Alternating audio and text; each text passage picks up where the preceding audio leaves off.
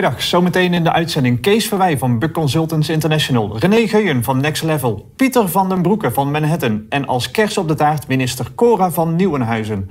Dit is Multimodaal Online 2020. Deze uitzending van Multimodaal Online 2020 wordt mede mogelijk gemaakt door Rabobank, TKI Dynalog, Topsector Logistiek, Manhattan Associates en Liof.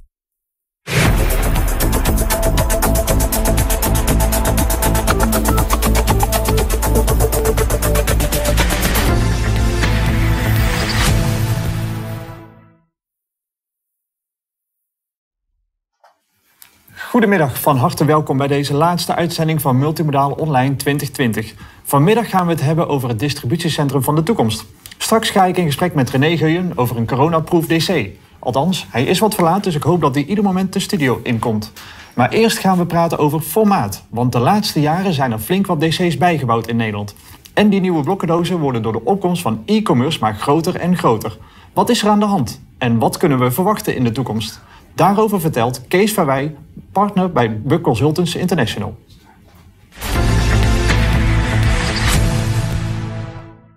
Goedemiddag en welkom uh, bij deze toelichting op de toekomst van XXL warehouses in Nederland.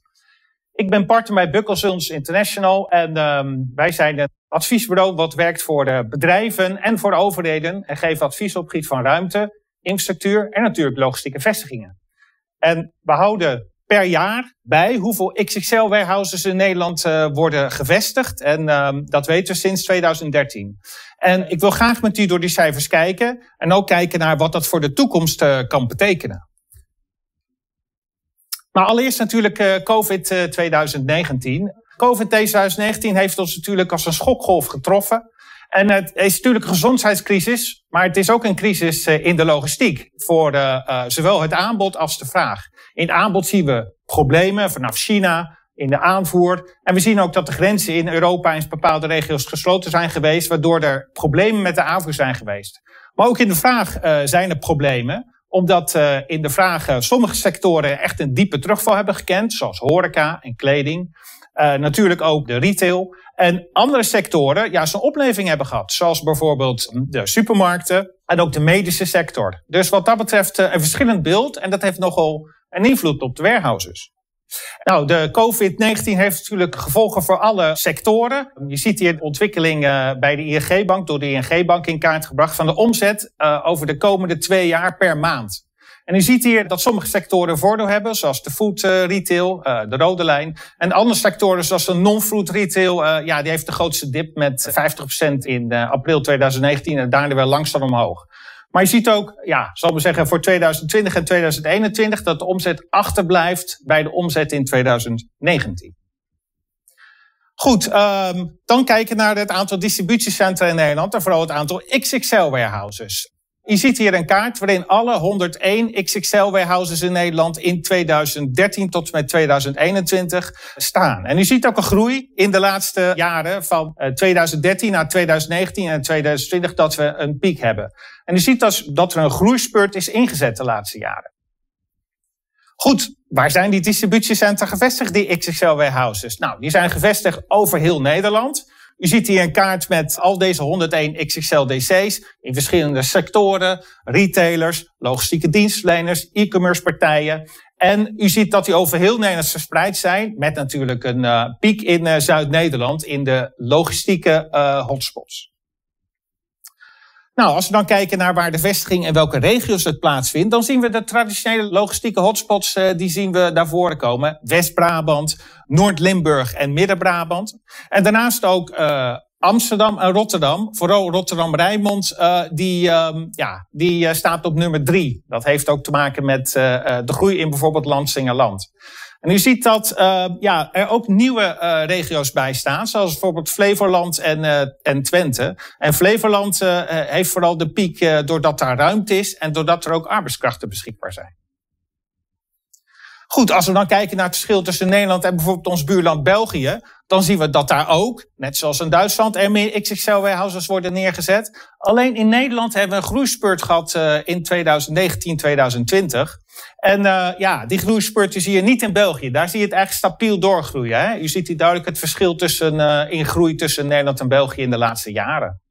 Nou, waarom zetten bedrijven eigenlijk een XXL warehouse, een mega distributiecentrum neer? Nou, dat zie je eigenlijk uh, in e-commerce, vanwege de grote aantallen die vervoerd worden en ook het uh, verpakken en oppakken.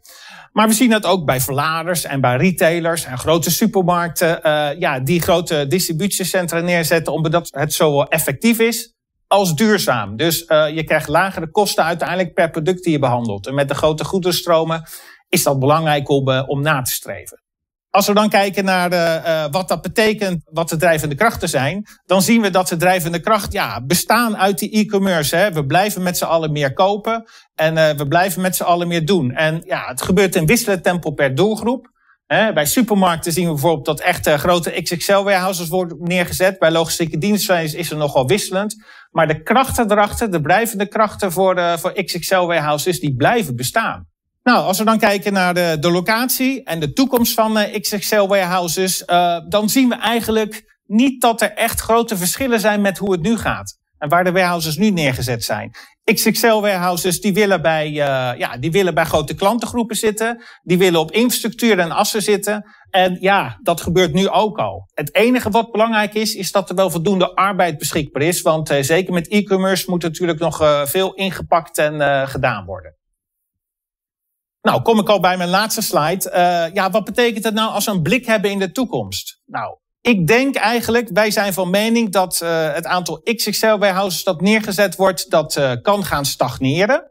We hebben de COVID 2019, we hebben een dip en de groei zal waarschijnlijk wel een stuk afvlakken. Maar de groei zal niet helemaal wegvallen, omdat de krachten achter het neerzetten van een XXL-DC op zoek naar efficiëntie, op zoek naar duurzaamheid die blijven van belang. Partijen blijven dat opzoeken. En als je een groter warehouse neerzet, kan je op dat gebied uiteindelijk meer voordelen behalen. Dus partijen die blijven dat doen. En ook, ja, zal maar zeggen, de interesse, de bouw voor een duurzaam DC zal blijven, uh, zal blijven groeien. Niet alleen omdat dat maatschappelijk en bedrijfsmatig gevraagd wordt. Maar ook omdat het warehouse daardoor courant blijft op de markt. Hè. Na vijf of tien of vijftien jaar zou je kunnen uh, verplaatsen. Kan er nieuwe partij in en dan is het uh, warehouse nog steeds state of the art. Als laatste heeft u misschien de vraag van uh, XXL warehouses over 10 jaar of over 15 jaar. Hoe groot zullen ze dan zijn? Moeten we denken aan 50.000 vierkante meter, 100.000 of zelfs 200.000 vierkante meter? Nou, wij denken wat dat betreft dat uh, economische skill belangrijk is, maar uh, dat er ook wel uiteindelijk een eind is aan uh, de grootte van een warehouse. In Nederland is er niet altijd plaats. En bovendien, als je zo'n groot warehouse hebt, groter dan 150.000 meter, dat is maar voor enkele weggelegd, voor enkele partijen interessant. Dus we denken dat het grootste DC nou 100 tot 150.000 vierkante meter zou zijn en niet groter. Dus wat dat betreft ja, zien we eigenlijk geen grote uh, verschil ontstaan in waar de XXL warehouses in de toekomst worden neergezet. We verwachten nog steeds dat de logistieke hotspots belangrijk blijven. Dat bedrijven zich daar willen vestigen. Maar daarnaast, als er meer krapte komt in kavels en ook krapte komt op de arbeidsmarkt, wat we nu nog niet goed kunnen inschatten, dan verwachten we ook dat uh, de opkomende hotspots dat die, uh, belangrijk blijven. En bijvoorbeeld Flevoland, Twente, de Betuwe, Midden-Limburg. Dat zijn regio's die aantrekkelijk worden voor XXL warehouses, omdat daar nog vestigingsmogelijkheden zijn. Je daar nog de arbeidskrachten kan vinden. En je daar wellicht ook mogelijkheden hebt naast de traditionele hotspots om je daar te vestigen. Dus wat dat betreft, ja, als we kijken naar XXL-DC's eh, in Nederland, uh, we blijven aantrekkelijk uh, in Europa om traditionele hotspots blijven belangrijk. Maar de nieuwe hotspots komen op. En uiteindelijk het groeitempo zal iets verminderen. Maar helemaal wegvallen zal de vraag, denken wij, nooit. Nou, dank voor uw aandacht. Ik hoop dat u eh, hiervan wat opgestoken heeft. En uh, graag tot ziens.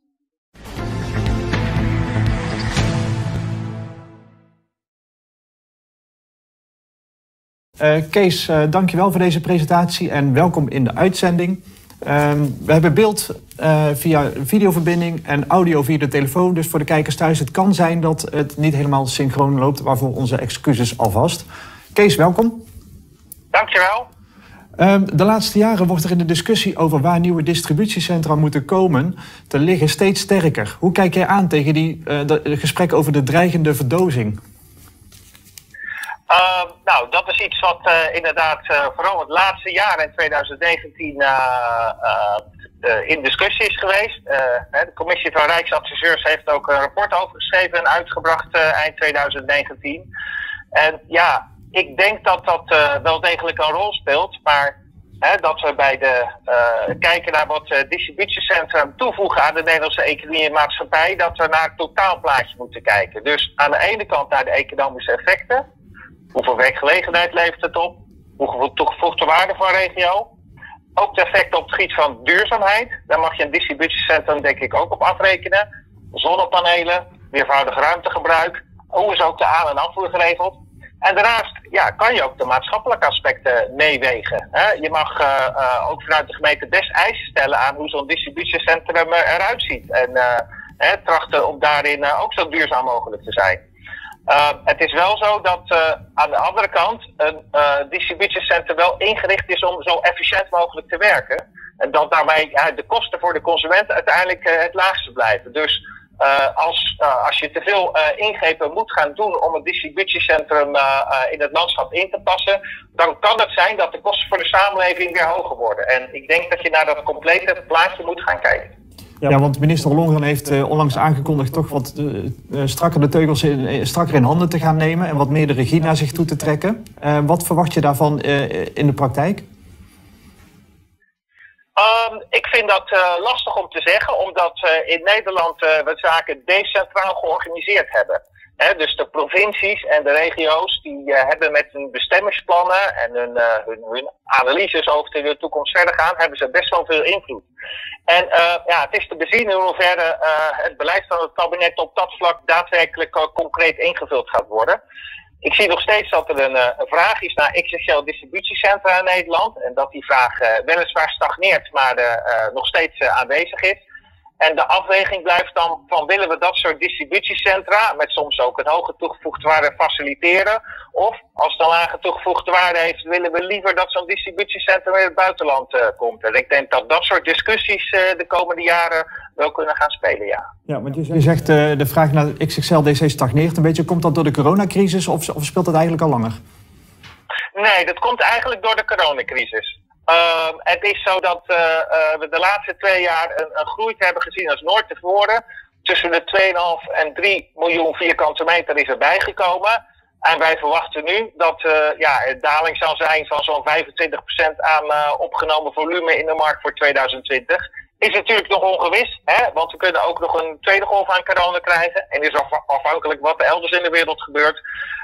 maar verwachten wel een, een stagnatie en een minder grote groei. Ja, en, en uh, ja, dit evenement heet Multimodaal, dus we hebben de hele week gesproken over alle modaliteiten. Er is een vraag binnengekomen van Dirk van der Meulen, volgens mij de oud-hoofdredacteur van Schuttervaar. Hoe belangrijk is de beschikbaarheid van vaarwater voor de bouw van die XXL-warehouses? Nou, best groot. Um, en je ziet ook dat uh, XXL-warehouses uh, best wel in de buurt van vaarwater worden gebouwd. Het Sara distributiecentrum in Lelystad, dat staat in de buurt van het Flevokusterminal. En ook uh, bijvoorbeeld het Heile warehouse in uh, Twente, uh, dat staat in de buurt van, van de binnenvaartterminal. Ook in Zuid-Nederland ja, heb je bijna overal binnenvaartterminals in de buurt. En wij merken zelf vanuit onze eigen adviespraktijk dat als we verladers van buiten Europa helpen met het vinden van de geschikte locatie voor distributie, dat multimodale ontsluiting zeker voor de toekomst een steeds belangrijke rol speelt. Ik wil niet zeggen dat een doorslaggevende rol is, maar het is wel steeds meer van ja, hier moet een locatie aan voldoen. Wil het überhaupt op de longlist komen? Uh, dat geldt natuurlijk voor bepaald type uh, bedrijvigheid. Uh, voor e-commerce centers geldt dat soms wat minder, omdat dan vooral de vestiging bij bevolkingsconcentratie van belang is. Maar zeker bij XXL warehouses van Amerikaanse en Aziatische partijen zien we dat die factor in belang toeneemt. Ja, en, en, en Julia Williams, Jacobsen die vraagt zich af... klopt mijn verwachting dat de bouw van XXL warehouses leidt tot meer kilometers... vooral vanwege de last mile? Dat weet ik niet. Um, goede vraag. Ik denk dat dat afhankelijk is van waar die XXL-DC's uh, gebouwd worden. Aan de ene kant zien we e-commerce center dat ze wel gebouwd worden bij uh, bevolkings, uh, bevolkingscentra. Hè. Ook het nieuwe Zalando-dossier En ook supermarkt-DC's kan je ook vinden in Lansingerland bijvoorbeeld. Um, aan de andere kant is het zo dat, ja, er is schaarse ruimte in Nederland. zeker grotere kabels. En partijen kunnen dan besluiten om uh, zich elder op een ka kavel te vestigen waar, uh, ja, waar ook nog uh, voldoende medewerkers op de, in de toekomst beschikbaar zijn. En dan kan het wel zijn dat je iets verder van de geëikte corridors afzit. En dus ook het mogelijk is dat je iets meer kilometers moet rijden. Ja. ja en, dus een gemixt beeld wat mij betreft. Ja, en kijk, kijk Ekkie Kreutzberger vraagt zich af, wat is eigenlijk de rijkwijde van zo'n XXL-DC als die in Nederland staat? Bedienen die alleen Nederland of Noordwest-Europa of bedienen die dan heel Europa vanuit hier? Nou, het is afhankelijk van de markt waarin XXL-DC actief is. Um, hè, als we kijken naar een, eh, een grootschalig Europees distributiecentrum, uh, dan um, of een, een, distributiecentrum van een Amerikaanse of Aziatische verlader, noem Michael Kors in uh, Venlo. Ja, dat is een distributiecentrum dat vanuit Rotterdam en Antwerpen beleverd wordt. En over heel Europa de, de satelliet-DC's en de winkels verder belevert. En ook Zara is zo'n distributiecentrum wat voor heel Noordwest-Europa actief is. Maar als je kijkt naar uh, ja, XXL-DC's van uh, bijvoorbeeld bol.com, Coolblue of Zalando, dan zijn er DC's die uh, eigenlijk alleen de Nederlandse markt beleveren. Dus het kan beide. Uh, een beetje afhankelijk van uh, uh, de partij die het opgezet heeft en wat zijn business is. Ja, en, en een vraag van Jean-Paul Verrijd. En met name is dan belangrijk, wordt, er wordt hier rekening mee gehouden bij de ontwikkeling van DC's? En dan gaat het om, zullen we ook een keer denken aan rustparkeerplaatsen voor de chauffeurs in de nabijheid van XXL warehouses? Wordt daar rekening mee gehouden met de inpassing van zo'n XXL DC in de openbare ruimte? Ja, daar wordt eigenlijk steeds meer rekening mee gehouden. hier gaat het ook om truckparkings. En je merkt dat in Nederland uh, de, de, aandacht voor truckparkings en het feit dat chauffeurs uh, gedurende hun rit, maar ook gedurende een mogelijke overnachting wel de rust en ruimte moeten hebben om goed te overnachten, dat dat steeds belangrijker wordt. En we zijn zelf betrokken bij verschillende initiatieven op het gebied van het opzetten van, van truckparkings. En je ziet dat zowel bij Rijkswaterstaat voor het snelwegennet als bij gemeenten het belang daarvoor is doorgedrongen.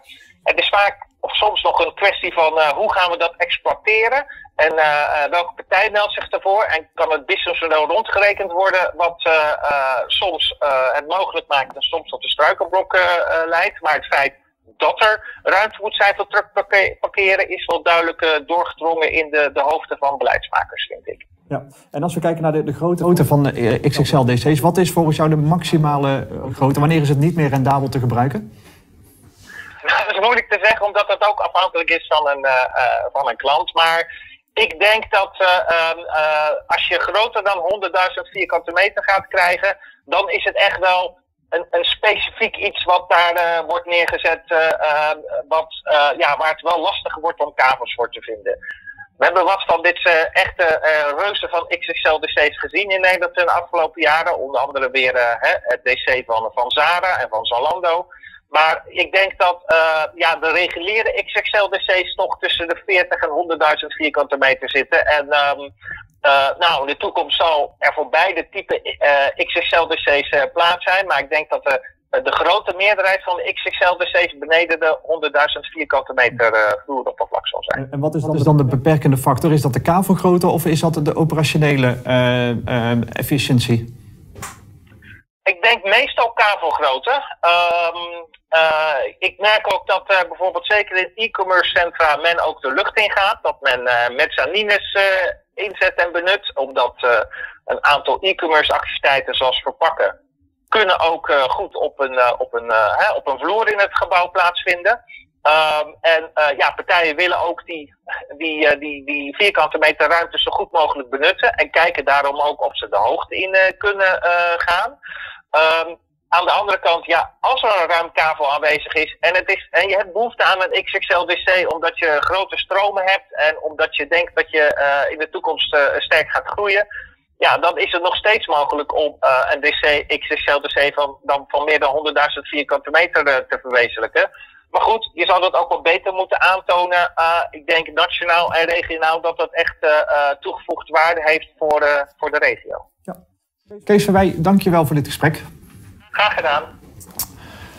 Um, straks ga ik in gesprek met Pieter van den Broeke van Manhattan over automatisering in DC's. Maar eerst gaan we kijken naar twee escalator pitches.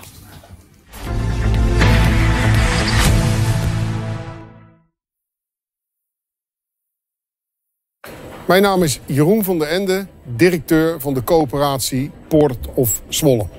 Poort of Zwolle is een coöperatie van de gemeentes Kampen, Zwolle en Meppel. Een grensoverschrijdend provincie Overijssel. Onze missie is om een goed economisch klimaat te creëren voor de ondernemers, nu gevestigd binnen onze haven. En een warm bad voor eventuele ondernemers die zich binnen onze haven willen vestigen. In 2025, als de sluis Kommer de Zand gerealiseerd is, kunnen wij ook short sea schepen behandelen. Ik heet u allen van harte welkom om onze haven te komen bezoeken. Ik ben Michelle, oprichter van MLM Promotions. Daar ben je dan, gearriveerd in het digitale tijdperk. Of het nu gaat om het vinden van klanten of het combineren van iemand voor de juiste facturen.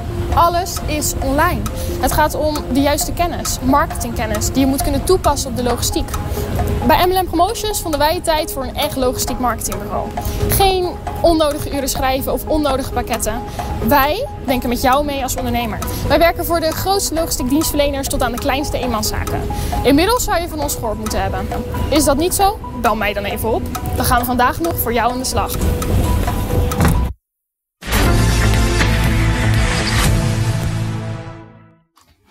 Ondertussen is ingebeld Pieter van der Broeke van Manhattan Associates. En met hem ga ik in gesprek over automatisering. Pieter, welkom. Dag Bart, goedemiddag. We zagen tijdens de coronaperiode dat veel verladers opeens een gigantische verschuiving kregen van fysieke naar online verkoop. Zijn ze in staat geweest om daar op een goede manier mee om te gaan? Ja, ik denk wel, uh, Bart, en zoals Kees ook aangaf, uh, de impact was misschien wel anders van sector tot sector. Maar algemeen bekeken was de online verschuiving naar online verkoop enorm. En ik denk dat de meeste bedrijven toch wel niet voorbereid waren om een verhoging van 300 tot 500 procent van online volumes te kunnen, kunnen verwerken. Enerzijds op het, op het distributiecentrumniveau, anderzijds op het vervoerderscapaciteitsniveau. En ik sprak onlangs met een, eh, een klant van mij, die is uh, verantwoordelijk voor distributie over heel Europa uh, voor een wereldspeler in schoonheidsproducten, fabrikant en distributeur. En die zei dat zij op drie maanden tijd eigenlijk vooruitgang hebben gemaakt in online fulfillment, wat ze voor ogen hadden om dat de volgende drie jaar te doen. En, ehm, en dit toont wel aan op welke schaalgrootte dat bedrijven zich hebben moeten aanpassen aan, aan online fulfillment tijdens deze coronacrisis. En de volumes die zijn hebben gedraaid zijn eigenlijk even groot als de, de grote promotieweken in, in, in oktober, november. Black Week, Cyber Monday, die nu ook in Europa uh, zeer, zeer sterk uh, aan, aan de hand zijn. Dus ik heb gezien, bedrijven hebben hun website moeten, moeten stilleggen om geen orders meer te kunnen ontvangen. Anderzijds, mijn klant uh, waar ik naar refereerde, die zei ook, ja, we hebben op 24 uur de online fulfillment van Italië overgenomen. We hebben twee grote brands vanuit de UK overgenomen naar, naar het Belgische distributiecentrum. En we waren in staat om sneller, sneller te kunnen uh, verzenden naar onze Engelse klanten dan dat het Engelse distributiecentrum in staat was om te doen.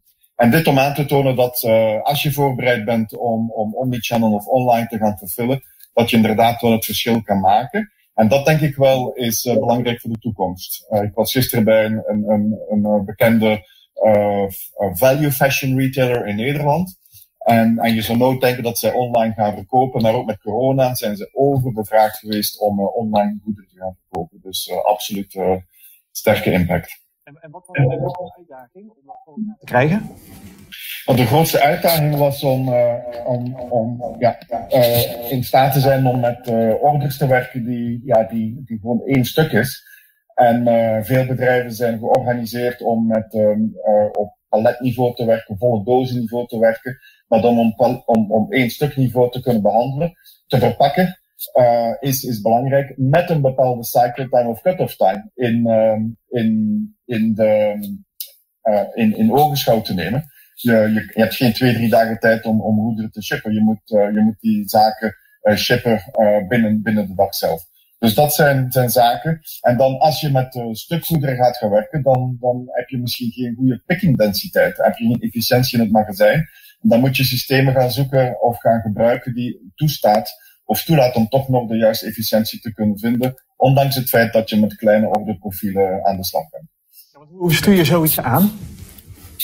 Kan je even herhalen, Bart? Hoe stuur je zoiets aan? Ja, uh, eigenlijk moet je daar uh, beginnen aansturen op basis van uh, het, het, trekken van de orders door jouw proces heen. Uh, je moet ook je proces wat gaan aanpassen. je kan gaan batchen om, om goederen te verzamelen, maar dan moet je ze weer gaan sorteren eventueel via een putwall, die je dan op een klantenniveau, pakketniveau gaat gaan opstellen. Maar het hoofd, hoofdconcept is dat je moet gaan trekken, de, de, de producten gaan trekken door je magazijn, om die cut-off time te gaan, te gaan halen. En dat vergt wel intelligentie, um, waarbij je dan toch wel met big data, machine learning, artificial intelligence moet gaan, uh, gaan aansturen en de mensen gaan ondersteunen. Je kan ook denken aan automatisatie. Automatisatie zal productiviteitscapaciteit geven, zal eventueel opslagcapaciteit verhoging met zich meebrengen. Maar meer en meer zien we ook dat robotten individuele handelingen kunnen gaan uitvoeren op individuele stuks. En dat is ook wel een belangrijk aspect, denk ik, om, om de volumes die met e-commerce, waar dat je met e-commerce te maken krijgt, om die te kunnen behandelen. Automatisatie, enerzijds door grote machines, anderzijds ook door robotisatie. Ja. En wat zijn de, concreet, wat zijn jouw toekomstverwachtingen als het gaat om robotisering? Wat, wat kunnen we de komende periode verwachten? Ja, ik, ik verwacht uh, verdere uh, doorstroming van robottechnologieën.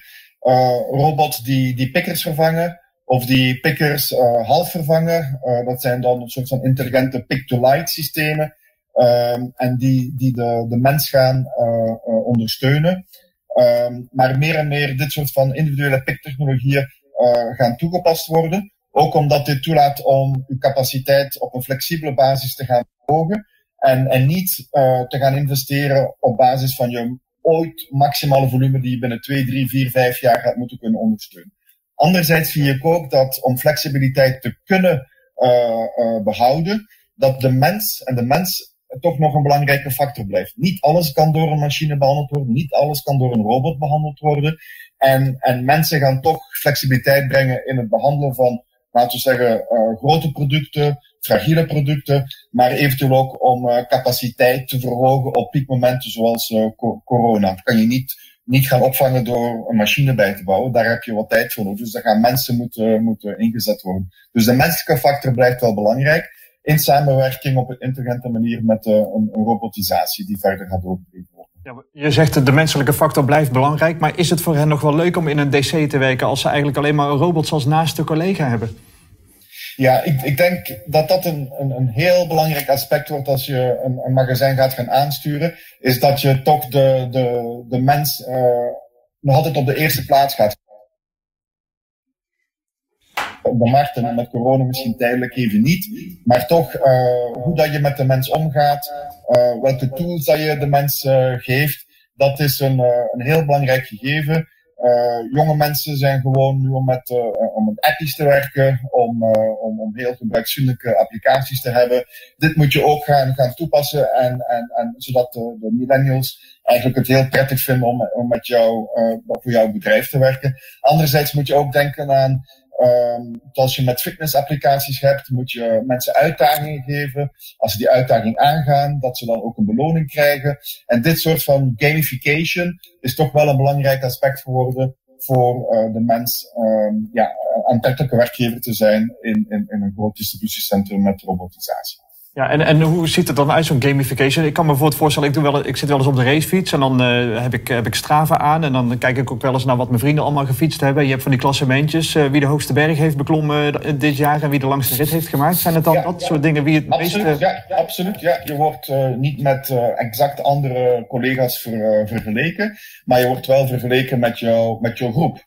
Of, of uh, met de mensen die in jouw zone werken. En op die manier kan je jezelf gaan vergelijken. Maar je kan ook uh, echt uitdagingen gaan, gaan uitzetten. En dan zijn, kijk, vandaag gaan we 1 miljoen stuks gaan, uh, gaan, gaan, gaan pikken. Ik zeg maar het al, of 200.000 stuks. En als die uh, operator dat, dat aangaat en dat dan ook wint, dan krijgt hij wat spaghetti over zijn mobiele systeempje gestrooid. Maar kan er ook punten verdienen. En die punten kan hij eventueel gaan uitwisselen met een, een, een klein cadeautje of een uurtje extra verlof of wat flexibiliteit in de arbeidsuren. Dus dit zijn zaken die vandaag de dag toch wel een trend geworden zijn.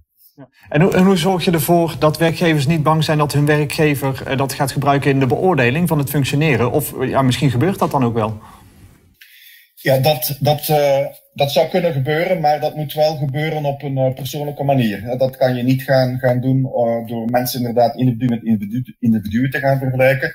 Maar mensen eigenlijk te zeggen van enerzijds meten we wel jullie prestatie, maar op een faire manier. Als je een palet gaat verplaatsen, dat is niet hetzelfde als één pakketje verplaatsen. Dus dat het een, een fair meting is van de prestatie.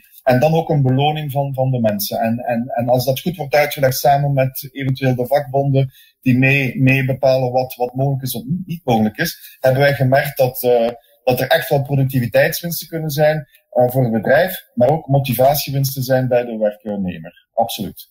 We hebben de afgelopen jaren gezien, ja, software wordt steeds belangrijker in het distributiecentrum. Zeker als het gaat om efficiency, uh, artikelen op de juiste plek, dat soort dingen. Um, zijn er al echte revoluties in aantocht? Bijvoorbeeld artificial intelligence. Is dat al mogelijk in een, in een distributiecentrum? absoluut. Uh, artificial intelligence om, om die uh, pickintensiteit te optimaliseren, om in te schatten uh, het orderprofiel die ik nu moet behandelen, is dat vergelijkbaar met het orderprofiel van het verleden? En hoeveel tijd gaat het nodig zijn om, om het door mijn magazijn te laten stromen, zodat ik mijn cut-off tijd kan, kan gebruiken. Dus dat is een bepaalde techniek, ook cloud technieken. het opschalen, zonder dat je machines moet gaan bijkomen, maar het gebruiken van cloud-architectuur en capaciteit, maar ook het toepassen van uh, verseloze software, zodat je op een continue manier eigenlijk nieuwe ontwikkelingen kan activeren, zodanig dat je als, als, als, SOP, als supply chain organisatie, als distributieorganisatie, dat je de veranderingssnelheid die je business aan je oplegt, dat je die perfect kan volgen. En dat je kan meeblijven met deze verandering. Want vandaag de dag zijn er grote veranderingen die gebeuren. En de snelheid van verandering versnelt ook altijd maar meer. Dus uh, als je systemen en, en, en processen niet kunnen volgen, dan ga je, dan ga je een vogel voor de kat zijn. Dus die, die uh, innovatieve uh, applicaties die innovatie kunnen volgen, zijn heel belangrijk voor, voor de toekomst. Ja, er is een vraag binnenkomen van, van de kijker, Joost van der Schoot. Die vraagt zich af, ja, robotisering, eh, als dat toeneemt... wat voor opleiding is nodig om in zo'n omgeving te kunnen of te willen werken? Eh, ja, nu zie je vaak lage schoolpersoneel in distributiecentra, de handjes, zeg maar. Eh, is dat, wordt het straks moeilijker of heb je, heb je meer scholing nodig om met robots om te kunnen gaan? Ja, nee, ik zou zeggen, uh, het opzetten van robots en, enzovoort, dat, daar heb je een bepaalde specialiteit voor nodig. Maar voor de magazijnmedewerker is er absoluut geen behoefte om een grotere uh, opleidingsgraad uh, te hebben. De, de gaat opnieuw ook met lichtjes aanduiden waar iets moet gepikt worden, hoeveel stuks moeten gepikt worden. Um, de, de mobiele systemen zijn eigenlijk zero learning systemen geworden. Het is grafisch, het is intuïtief. Dus alles moet uh, kunnen opgezet worden, aangereikt worden aan de medewerker met een zero learning uh, basisprincipe in het achterhoofd. Ja, helder. Uh, Pieter van den Broeke, dankjewel voor dit gesprek. Graag gedaan. Straks ga ik in gesprek met René Geuyen over hoe maak je een DC eigenlijk coronaproof. En hoort u wat minister Koren van Nieuwenhuizen te zeggen heeft over multimodaal. Maar nu eerst weer twee escalator pitches.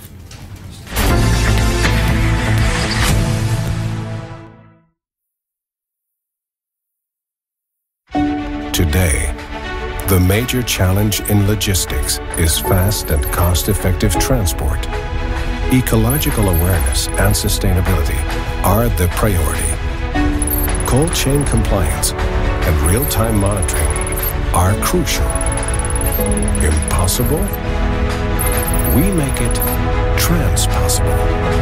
The future is synchromodal. It's all about combining road, rail, and water transport in a smart and dynamic way. As well as a full European network, we offer an end-to-end rail solution to China. It complies with the highest quality standards to give you total peace of mind.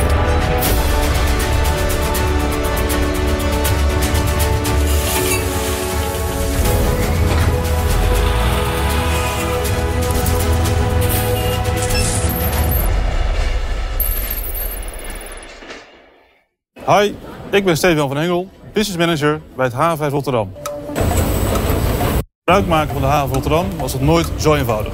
Navigate is de routeplanner voor Rotterdam. Navigate helpt verlaatste expediteurs met het plannen en oriënteren van hun routes van, naar en via de avondram op alle modaliteiten van deur tot deur.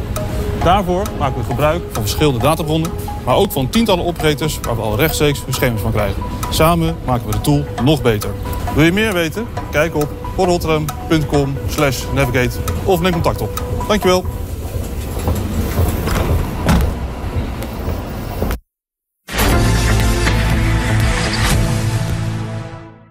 Ondertussen is gearriveerd hier in de studio René Geuyen, Director Plan Development bij Next Level. René, welkom. Um, ja, we gaan praten over hoe maak je een, corona een DC-coronaproef. Want ja. het ziet er nou uit, die anderhalve meter samenleving die gaat er nu toch wel komen. Uh, Overal zijn grote groepen mensen toegestaan, mits anderhalve meter. Ja, ik, ik kan Rutte het niet nog een keer horen zeggen, denk ik. Uh, maar hoe, hoe maak je eigenlijk een DC-coronaproef? Gaat dat? Nou ja, goed, de, de meesten op dit moment zijn bezig om het gewoon eh, in het huidige proces in te bakken. Dus uh, proberen vooral procesmatige aanpassingen te doen. dan moet je denken aan gewoon de, de looproutes goed gescheiden houden. Zorgen dat, dat zeg maar, spatschermen worden geïnstalleerd. dus je ziet met name zeg maar, een beheersmatige situatie vanuit processen. En zorgen dat binnen de, ja, de gewone omgeving zoals die eigenlijk is... de processen zodanig worden gemaakt dat mensen gewoon gescheiden van elkaar kunnen werken. Ehm, ja, de uitdaging zit daar natuurlijk wel bij, bij de, de grotere hoeveelheden en grotere groepen organisaties. Ja, daar wordt het wat lastiger om het, om het continu in de gaten te houden. Dus dat, dat, dat, is wel even een aandachtspunt voor veel partijen nu. Ja, want we kennen allemaal de slechte voorbeelden uit de vleesverwerkende ja. industrie. Ehm, daar wordt ook veel met buitenlandse krachten gewerkt. Dus sommige distributiecentra in Nederland ook natuurlijk. Zijn de risico's vergelijkbaar of hebben we het hier over een hele andere orde? Ik vind dat moeilijk om daar een, een, een eenduidig antwoord over te geven. Ik denk dat dat heel erg afhangt van hoe dat mensen beheersmatig het organiseren. Ik denk dat het uh, wel duidelijk is gebleken dat het vaak gaat over de huisvesting. De, hoe kan met de bussen de mensen naar het werk toe gebracht worden. En vervolgens hoe worden ze op het proces in het bedrijf gefaciliteerd. Ja, en daar zal altijd een beetje een, een, een scheidsvlak zijn. En als je met grote groepen mensen werkt, loopt daar altijd wel een risico in. De, de, de, de, kunst is om het snel te identificeren, zorgen dat je adequate maatregelen neemt en probeert vooral op preventie in te zetten. En ik denk dat dat ja, ook wel blijkt dat dat wel kan. Hè. binnen de logistiek zijn daar nog relatief weinig voorbeelden op dit moment te benoemen. Ehm, ja, en ook maar, de klimaatomstandigheden natuurlijk in een, in een koelcel of in een gekoelde omgeving bij vlees ja, heeft natuurlijk ook wel een beetje invloed gehad op dat hele gebeuren. Dus ik, een heel duidelijk antwoord eh, is daar vaak niet op te geven. Ik denk procesmatig dat er heel veel aan te doen is. Ja, dus je moet het vooral echt op individuele basis bekijken. Ja, dat klopt. En ik, ik denk dat uh, ja, naar de toekomst toe, hè, maar dat, dat is dan weer het luik uh, waar je naar kunt kijken, is van nou, hoe ga je dat in de toekomst een beetje proberen te voorkomen. En kijk, de meeste logistieke gebouwen zijn al ingezet op een stukje scheiding van stromen. Dat heeft al vaak te maken met een stukje veiligheid, efficiëntie in, in de looproutes en efficiëntie in de processen. Dus zeg maar die ruimte in de looppaden en looproutes wordt toch al vaak ingebouwd. Uh, en ook de nieuwe gebouwen zijn daar ook wel vaak op uh, ingericht en op voorbereid. Uh, ja, zeg maar de complexiteit die er nu in komt, dat je in kantines een grotere spreiding van shifts moet gaan aanbrengen. dat je langere shifts moet gaan werken als dat mogelijk is, om, om een beetje spreiding van je personeel te doen. Uh, maar goed, uh, ik ken ook een aantal voorbeelden waarbij gewoon echt fysiek een deel van de mensen gewoon offsite wordt gehouden om in te kunnen springen op het moment dat het noodzakelijk is. Nou goed, ik denk dat alle varianten en een beetje ook afhankelijk van zeg maar, de veiligheidscategorie van de, de, de bedrijfsvoering uh, daar een inschatting van te maken heb. Uh, ja. Je kunt je voorstellen bijvoorbeeld bij een medisch bedrijf dat de noodzaak om daar een striktere scheiding door te voegen wat anders is dan, dan gewoon een commodity, uh, waar je ook weer meer ruimte hebt om uh, je processen gewoon te faciliteren. Ja, want zijn de processen zijn die veranderd sinds corona? Als ik nu een DC binnenloop, zie je dan echt dingen wezenlijk anders zijn? Of is het nou, business as usual? Ik denk de, de, de, gebruikelijke dingen die je overal in, in de omgeving tegenkomt. Hè, de stickers op de vloer, de gescheiden loopstromen en, wat ik al zeg, heel veel van die, van die processen die zijn al ingericht vanwege natuurlijk een veiligheid. Uh, als je in een foodsafe magazijn gaat, kom je ook niet zomaar binnen. Dus er zijn al heel veel protocollen in dat proces uh, ingericht. Natuurlijk wel even uh, de slimmigheidjes die uh, bijvoorbeeld een chauffeursloket, uh, wat in het verleden nog een schuifloket wordt, wordt nu vervangen door een brievenbus, zoals het oude postkantoor heeft. Ja, zo, zo, dat soort simpele voorbeelden zie je wel dat nu geïmplementeerd wordt. En die zijn relatief laagdrempelig ook te realiseren. Maar het is meestal vanuit een stukje procesgang en, en kijken dat je probeert die contaminatie zo min mogelijk te maken. Ja, en, en zie je dan ook verschil tussen grote en kleine DC's? Uh, ik zie denk ik meer het verschil tussen grote hoeveelheden mensen en kleinere hoeveelheden mensen. Hè. Dus dat heeft niks met de grootte van DC te maken. Natuurlijk, uh, bij een groot DC komen er over het algemeen ook meer mensen. Maar daar zit wel een logica tussen. Maar over het algemeen zie je dat gewoon als er een grotere menselijke interactie is, dan is de noodzaak om er iets aan te doen veel groter. Uh, en dan worden bedrijven daar ook wel uh, inventief voor. Uh, en, en, proberen toch te kijken van ja, hoe kan ik het zo goed mogelijk faciliteren. Zeg maar, helemaal voorkomen kun je, kun je het waarschijnlijk toch niet. Maar kijk naar de horeca. dat is toch altijd een hele lastige en arbitraire om het continu in de gaten te houden. Maar ik denk dat je wel als werkgever, en de meeste werkgevers verplicht zijn om het op die manier te, te organiseren. Dus ja, die noodzaak is er wel. Ja, en als je dan kijkt naar alle beheersingsmaatregelen, hebben die ook invloed op de efficiëntie, op de operatie in het DC? Absoluut. Kijk, op het moment dat je langere shifts gaat werken om, uh, om het werk uh, te kunnen doen, ja, je zit gewoon met een 24 uur situatie waar je misschien voorheen een iets meer verlengde dagsituatie had. Ja, dat heeft natuurlijk impact op loonkosten. Dat, dat, dat, is evident. als je kijkt naar efficiëntie, op het moment dat het personeel, de, de arbeidsmigranten om het zo maar even te noemen, met, de, met de busjes moeten komen. En je kunt maar de helft van de bezetting, ja, dan moeten er twee keer zoveel busjes rijden. Dus ja, daar zitten gewoon meer kosten aan verbonden. En dus het zal ergens een keer een weerslag gaan krijgen op, op, dat, op dat verhaal. Ja, dus het is met name de, personele inzet. Kijk, dus de, operatie aan zich zal niet wezenlijk veranderen, maar het is vooral alles eromheen wat je goed moet regelen. Ja, dat klopt. En ik, ik hoop dat een aantal initiatieven ook wel gaan leiden tot een, zeg maar, een verbeterde situatie. Een simpel voorbeeld. We praten nu over busjes met arbeidsmigranten. Je zou ook na kunnen denken over van, ja, hoe kunnen we nou als, als maatschappij die mensen zodanig faciliteren dat ze met de fiets naar het werk kunnen komen en op 500 meter afstand gehuisvest worden. Ik bedoel, ik, ik begrijp dat de, de Emiel Roemer ook redelijk actief is met het, zeg maar, het stimuleren en beveiligen en uh, bevorderen zeg maar, van uh, de, de huisvesting van, uh, van arbeidsmigranten. Ik denk dat daar natuurlijk ook een hele grote sleutel ligt. je ziet in Waalwijk je nu de eerste arbeidsmigrantenhotels ontstaan. In Venlo liggen er ondertussen een paar. Dus dat is wel een ontwikkeling die ik denk wel een positieve werking gaat hebben op, op zeg maar, toch een, een, kwalitatief betere huisvesting dicht bij de werkplek. Ja. En, en heeft de coronakwestie gaat die nog invloed hebben op, op de robotisering, verwacht je? Want een robot die kan geen corona krijgen. ja, ja, ik denk wel. Ehm, kijk, uiteindelijk maar dat is al een trend die al langer in, in, in gang is gezet en, en, waar denk ik al nodig ook aan onderzoek in gedaan is. Als je gewoon gaat kijken naar zeg maar, uh, logistiek vastgoed, is een, een, een, stuk vastgoed waar een redelijke arbeidscomponent in veel gevallen in zit. dat verschilt een beetje per sector. Als je gewoon kijkt of in de continu pallet aanvoer, waar de hoogbouwkranen zitten, tot en met de e-commerce, waar natuurlijk heel veel pick-pack-ship activiteiten geautomatiseerd worden. Ja, daar zie je dat zeg maar, de, de robotisering steeds meer een, een, topic gaat worden. In, in, de praktijk zie je dat dat wel nog een beetje naeilt uh, in, in feitelijke doorzet. Hè, want het zijn toch stiekem zware investeringen waar je vaak mee te maken hebt. En met name de retail is op dit moment enorm aan het investeren op dat soort processen. Kijk naar het voorbeeld van Jumbo, Albert Heijn, naar de, de in de Hoofdvliet, in, in Blijswijk of Zoetermeer. Dat, dat, zijn, dat zijn echt typische zware investeringstrajecten waar je ook wel ziet dat partijen toch wel inzetten op, op mechanisering om zeg maar future-proof te worden.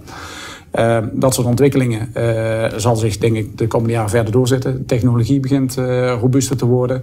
Uh, ook nieuwe vormen van automatisering uh, komen aan, aan, tafel. En het grappige is wat je wel ziet, het, heeft ook zeker zijn weerslag op een gegeven moment op, op zeg maar logistiek vastgoed.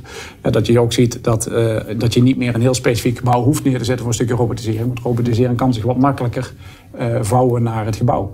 Dus dat, dat is op zich wel een leuke trend en ontwikkeling. Ja, en, en over die ontwikkelingen gesproken, zie je dat bedrijven die nu een nieuw DC willen ontwikkelen, dat ja. die ook rekening houden met corona? Of is, is dat eigenlijk gewoon iets voor nu en verwachten we dat dat over een paar jaar als het DC er nou eenmaal staat, dat corona wel weer uitgedoofd is? Ja, als je me vraagt, uh, zijn jullie bezig met een plan waar meteen daar aandacht voor is gekomen? Uh, nee, nog niet. Uh, vaak zijn dat ook plannen die zeg maar, een, een, een horizon van een jaar, anderhalf jaar hebben in doorlooptijd. Hè? Dus dat is niet een, een, plan wat van vandaag op morgen gerealiseerd wordt. Wat je wel ziet is zeg maar de, de, de vraagstellingen over hoe kunnen we gangpaden ruimer opzetten? Hoe kunnen we flow in het gebouw goed monitoren? Ja, dat, dat blijft altijd een topic van op de agenda. En zeker op dit moment komt het nog iets meer naar, naar boven. Uh, en, en daar wordt wel rekening mee gehouden. Maar het is niet iets waar je zegt van nou god, uh, dat, dat is echt een, een major impact. Of in ieder geval iets wat, wat echt de uitschieter naar de rest van het proces. Uiteindelijk gaat het toch om het inrichten van een stukje procesefficiëntie in zo'n gebouw. Je probeert gewoon een efficiënt gebouw te maken waar je probeert iedere dag je geld te verdienen. En dat probeer je gewoon slim te organiseren dat mensen daar en veilig kunnen werken, efficiënt kunnen werken, een stukje goede werkklimaat hebben.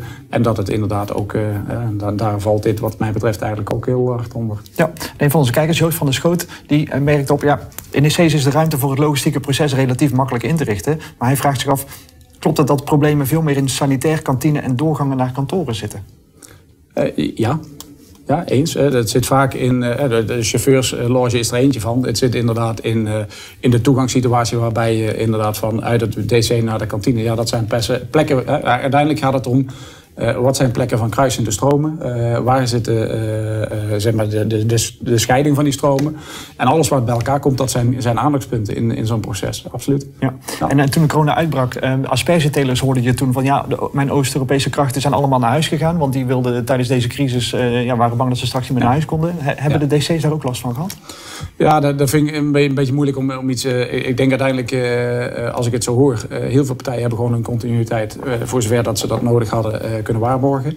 er zijn natuurlijk een aantal bedrijfstakken waar eh, wat mensen eh, eh, ja, stilvielen. Nou, die zijn ook wel deels hergeplaatst op andere plekken. Dus daar, daar heeft natuurlijk wel een stukje reshuffling in plaatsgevonden.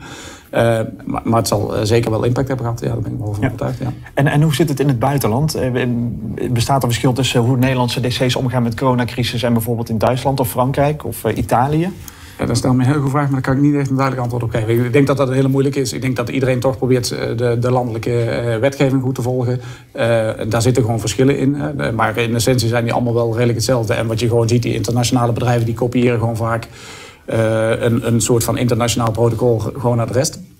En dan zie je dat natuurlijk Amerikaanse bedrijven over het algemeen wat harder in hun protocollen gaan zitten als, als Europese bedrijven om een stukje liability natuurlijk af te schermen. Uh, dus daar zit wel verschil in. En dat zijn ook wel signalen die ik wel gehoord heb. Maar dan is het dan meer van toepassing op zeg maar, de Nederlandse situatie. Uh, hoe dat dan feitelijk in het buitenland, uh, ja, dat kan ik eigenlijk niet zo zeggen. Ja. En tot slot, en ja, misschien even buiten het corona-onderwerp, maar gewoon ja. voor DC's in het algemeen. Wat verwacht jij dat de grootste impact gaat hebben op DC's in de komende vijf jaar? Uh, dat, dat, is een hele interessante vraag. Uh, de grootste impact, ik denk, denk, dat er meerdere factoren zijn. ik denk dat e-commerce blijft nog steeds een hele dominante. dus zeg maar de groei van e-commerce, oftewel de groei naar vierkante meters. de XXL-DC's zijn daar een mooi voorbeeld van. een stukje maatschappelijke ontwikkeling en opinie zal impact hebben op, op vastgoed. dat heeft enerzijds te maken met de verdodigingsdiscussie, maar anderzijds ook gewoon hoe gaan wij de komende jaren brownfields, greenfields ontwikkelen. Uh, voor, uh, voor logistieke toepassingen.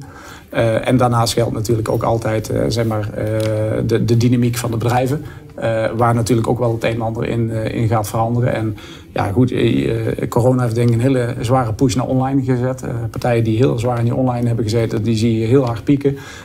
partijen die daar zijn weggebleven en vooral in de retailsector, die hebben daar echt enorm veel last van. Dus ik zie daar nog wel een shift in doorzetten, dat die, die markt nog, nog harder gaat groeien.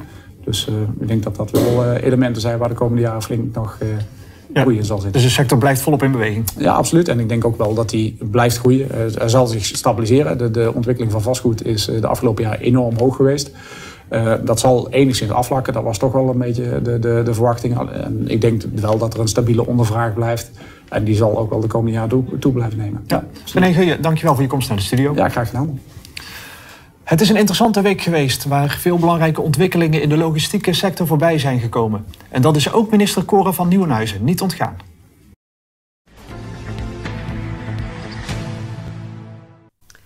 Beste mensen, als het goed is, hebben jullie al een hele drukke en hopelijk ook vruchtbare week uh, achter de rug. En laat ik beginnen met het nieuwsblad Transport te bedanken voor de organisatie hiervan. Uh, in deze coronatijd is het best ingewikkeld om toch uh, allerlei mensen bij elkaar uh, te brengen, zij het ook virtueel, om toch allemaal de inbreng te kunnen leveren. corona maakt ook dat sommigen van jullie echt zware tijden doormaken en anderen misschien ook nog in zwaar weer terecht zullen komen. Weet dat we daar vanuit ons ministerie met jullie aan mee proberen te helpen om jullie zo goed mogelijk ook door die economische crisis heen te loodsen. Daarbij is natuurlijk ook ontzettend van belang het onderwerp waar jullie je mee bezig hebben gehouden. De efficiëntiebevordering in de logistiek. Uh, alle uh, uitdagingen die op ons afkomen ten aanzien van verduurzaming, uh, de digitalisering. Ik denk dat daar heel veel van jullie denkkracht voor nodig is om tot de goede oplossingen te komen. Daar werken we heel graag aan mee. dus heel veel dank dat jullie daar je weer voor ingezet hebben afgelopen week. En ik ben zeer benieuwd naar de resultaten. Heel veel dank.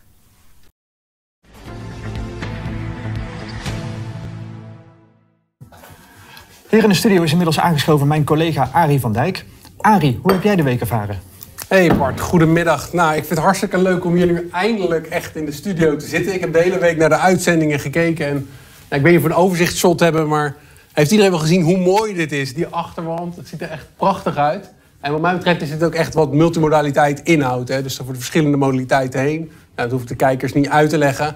Denk dat we een hele goede week hebben gehad, waar heel veel uh, multimodale onderwerpen aan bod zijn gekomen. Ik denk dat we de lezer van Nieuwsblad Transport, die natuurlijk multimodaal bezig is, echt heel goed op weg hebben geholpen om te schakelen tussen de modaliteiten. En schakelen tussen modaliteiten, dat gold eigenlijk ook voor ons als organisatie. We hadden natuurlijk uh, echt een event gepland om bij elkaar te komen, zoals we altijd doen aan het einde van juni. Nou, dit jaar vanwege de bekende omstandigheden kon dat niet. Dus we zijn met elkaar gelijk in gesprek gegaan en met de partners en de sprekers van ja, hoe kunnen we dit organiseren? Nou, we hebben deze studio, we hebben deze week gehad. Ik ben dolgelukkig ermee. We hebben heel erg veel kijkers gehad. Heel veel positieve reacties. Dus, uh, wat, is het meest bij, wat is er het meest bijgebleven? Um, nou, wat mij het meest bij is gebleven, dat is heel detailistisch. Maar ik vond het heel interessant om te horen dat een, uh, een verlader zijn voorraden heeft vergroot om model shift mogelijk te maken. Doordat hij meer op voorraad neemt, krijgt hij een heel binnenvaartschip vol. En daardoor kan je wel in één keer via de binnenvaart. Dan denk ik, ja, dat is wel uh, uh, een eye-opener voor mij in ieder geval. Ik ben een beetje een leek. Maar uh, vond ik in ieder geval heel erg leuk om, uh, om te horen. Ja, en wat zijn de plannen voor volgend jaar, Multimodaal 2021? Nou, we hopen natuurlijk van harte. Hè. Wij zijn een mediabedrijf waar heel erg gelooft ook in de persoonlijke ontmoeting. We willen elkaar graag in de ogen kijken, de hand kunnen schudden. Dit is wel denk ik een nieuw vast onderdeel van onze portfolio. Digitaal met mensen in uh, contact treden en laten zien gewoon ja, alle platformen wat we kunnen. Maar ons doel is wel volgend jaar met z'n allen weer bij elkaar hier in Rotterdam. En dan, uh, ja, dan gaan we weer verder praten over multimodaliteit. Want één ding weet ik wel, ik zit nu tien jaar bij Nieuwsblad Transport. En al tien jaar praten over multimodaliteit. Blijft een strijd tussen de modaliteiten. En die blijft doorgaan. En daardoor worden wij als Nederland, als logistiek land, steeds sterker, steeds beter. Arie van Dijk, dankjewel. Voordat we richting de afronding gaan van deze week, heb ik ook nog wel wat mensen en partijen te bedanken. Ik dank uiteraard alle partners die dit event mede mogelijk hebben gemaakt. Want zonder hun bijdrage hadden we dit niet kunnen organiseren. Ik dank ook alle virtuele en studiogasten voor het delen van hun inzichten. Het productieteam voor het vlekkeloos verzorgen van alle tiende uitzendingen deze week. Regisseur Thomas Arons. Robert van Dijk voor de techniek. Casper Koudehoven en Bob Arons voor het geluid. Arjenne Bastiaanse voor het projectmanagement. Martin Dekker voor het bijhouden van het liveblog de hele week. Paul van der Kooi en Marco Visser voor de verkoop. Uiteraard mijn co-host Tom van Gurp. En directeur Johan Blaas voor het inrichten van deze mooie Promedia studio... van waaruit we dit digitale event voor u konden verzorgen. Dan zijn we nu echt bij het einde gekomen van Multimodaal Online 2020. U kunt nog even verder met elkaar praten in de online netwerkruimte. De link daarvoor komt zometeen in beeld. Uiteraard zult u nog veel meer van Nieuwsblad Transport kunnen zien en lezen in de komende periode. Alle video's kunt u volgende week op uw gemak nog even terugkijken. Voor nu bedankt voor uw virtuele aanwezigheid en een goed weekend.